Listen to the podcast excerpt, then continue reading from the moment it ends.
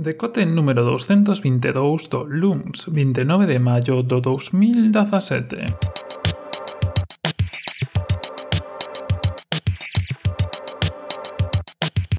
Boas tardes e benvidos a este decote número 222 días antes, bueno, día antes en concreto de que se falla o primeiro aniversario do decote, que como sabedes, mañá 30 será fará un ano de que se emitirá o primeiro decote, Así que bueno, estamos por aquí, estamos tarde, como estamos sempre estos últimos días, pero bueno, intentaremos poñermos o día, intentarei sacar isto antes posible, así que quizá vai con un pouco menos de edición do que sou acostumar, e ademais, pois hoxe vai ser dun tema que non é o que somos tratar por aquí, pero como se deu así a cousa, como se tratou así a cousa, pois faramos desto. E faramos do que pon o título do feature Spinner, Primeiro de todo, explicarvos que un feature spinner, pois pues, se non sabedes, quizás se tedes rapaces pequenos, aínda que non moi pequenos, xa o sabedes. O fidget spinner é a última moda, que, por menos, a, a moda de este ano, e é un pequeno aparello que xira sobre un exe que é onde se poñen os dedos e que ten como tres eh, saíntes. Deixaremos seguramente o, a imaxe de portada deste podcast xa un, así que xa podes ver un pouco de que vai a cousa. Non é un aparello novo, pero un aparello que se acaba de poñer de moda. E pues, o sábado, por casualidades da vida, merquei un por saber de que iba a cousa, así que aproveito ese pois pues, para falar un pouco del e de todos os outros aparellos que viñeron antes del e todos que virán despois, pero bueno,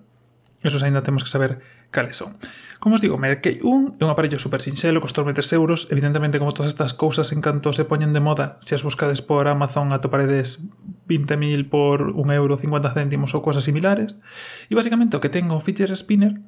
ou a idea que había detrás antes de ser un xoguete ahora neste 2017 era un pouco a idea de como as pelotas de relaxación ou algo que ten entras mans e poder xogar con el a modo de relaxación. Como os digo, os que están agora máis de, de relevancia, máis no mercado,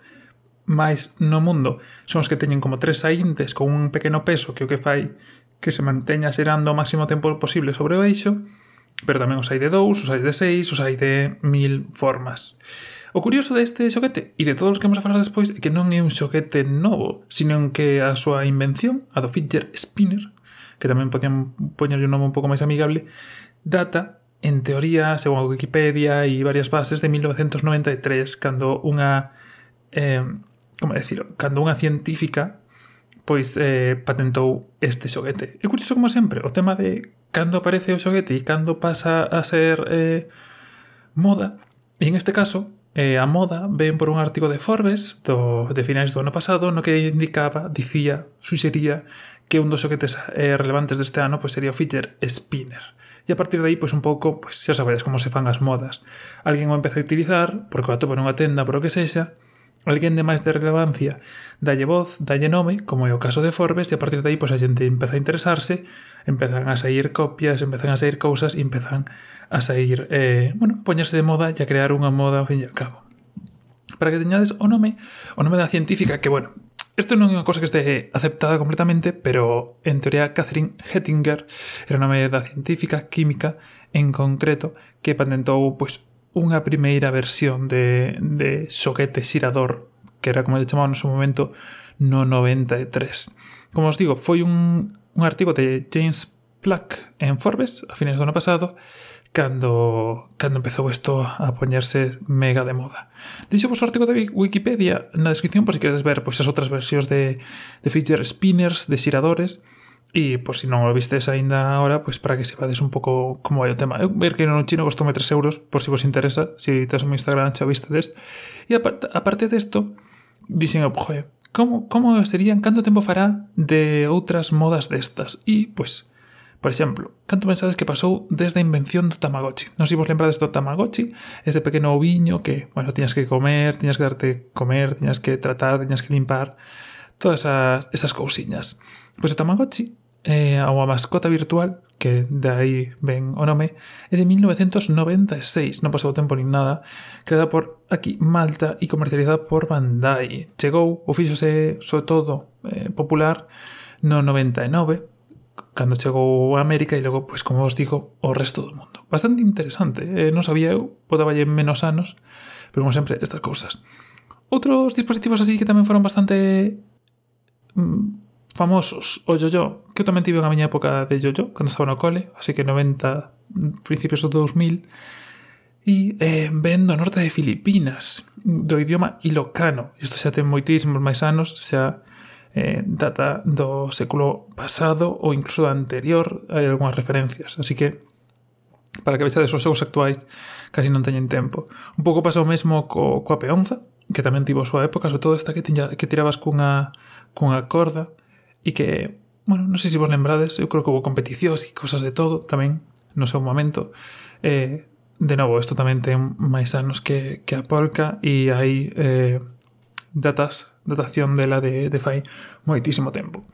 E por último, unha que espero descubrirvos, porque supoño que o resto xa, xa descubrirías que é a Powerball, que é unha cousa que me tocou, que descubrín eh, cando estaba cobreo, eh, cobreogán, co equipo de Lugo, estaba Corbacho, eu supoño que a Corbacho a maioría, moitos de vos o coñecedes, que este xogador que ahora está no Obradoiro, estuvo aí para estar coa selección española, un triplista, que se lesionou, se non me equivoco, este ano, e xusto cando estaba en Obreo, e estaba el, estaba lesionado e acabando de operar da, da muñeca. Acaban de poñer tornillos na muñeca. E entonces para fortalecer utilizaba isto que se chama un Powerball. Cuidado cando buscades porque Powerball tamén se chama Lotería de Estados Unidos. Entonces, se o poñes todos xuntos, se irá a, a Lotería de Estados Unidos en vez de esta, esta bola que é unha bola que leva dentro outra bola e que a través do, de, como se chama, do sistema basado no xiroscopio eh, pois o que fai é manter unha bola xirando dentro da outra e co momento da muñeca, o momento que o que fai é eh, aumentar as veces que xira, pois reforza o que é a muñeca, o brazo e, bueno, todo, toda a articulación. Este é unha cousa que tamén se puso bastante de moda, como os digo, eu coñecino 2009, 2010, cando estaba co Breogán, cando estaba Corbacho co, co Breogán tamén, e E unha cousa bastante interesante, logo cando co equipo de atletismo tamén hubo xente cotivo, e se non o coñecedes, pois está bastante guai. Ademais, isto reforza o brazo, e si des un pouco polo mesmo estilo que fixes spinner, que era pensado para, para relaxar, e para facer exercicios, ese tipo de cousas, pois isto moitísimo mellor. Non sei se o coñecedes, sino tamén, pois deixo, pois es unha descripción un enlace a Wikipedia para que vexades un pouco que vai. Ademais desto, hai competicións do Powerball, xa que como a bola que vai dentro xira a tantas revolucións por minuto, pois a xente pois busca batir récords mundiais e ese tipo de cousas. E, bueno, na, no arquivo de Wikipedia farán un pouco desto,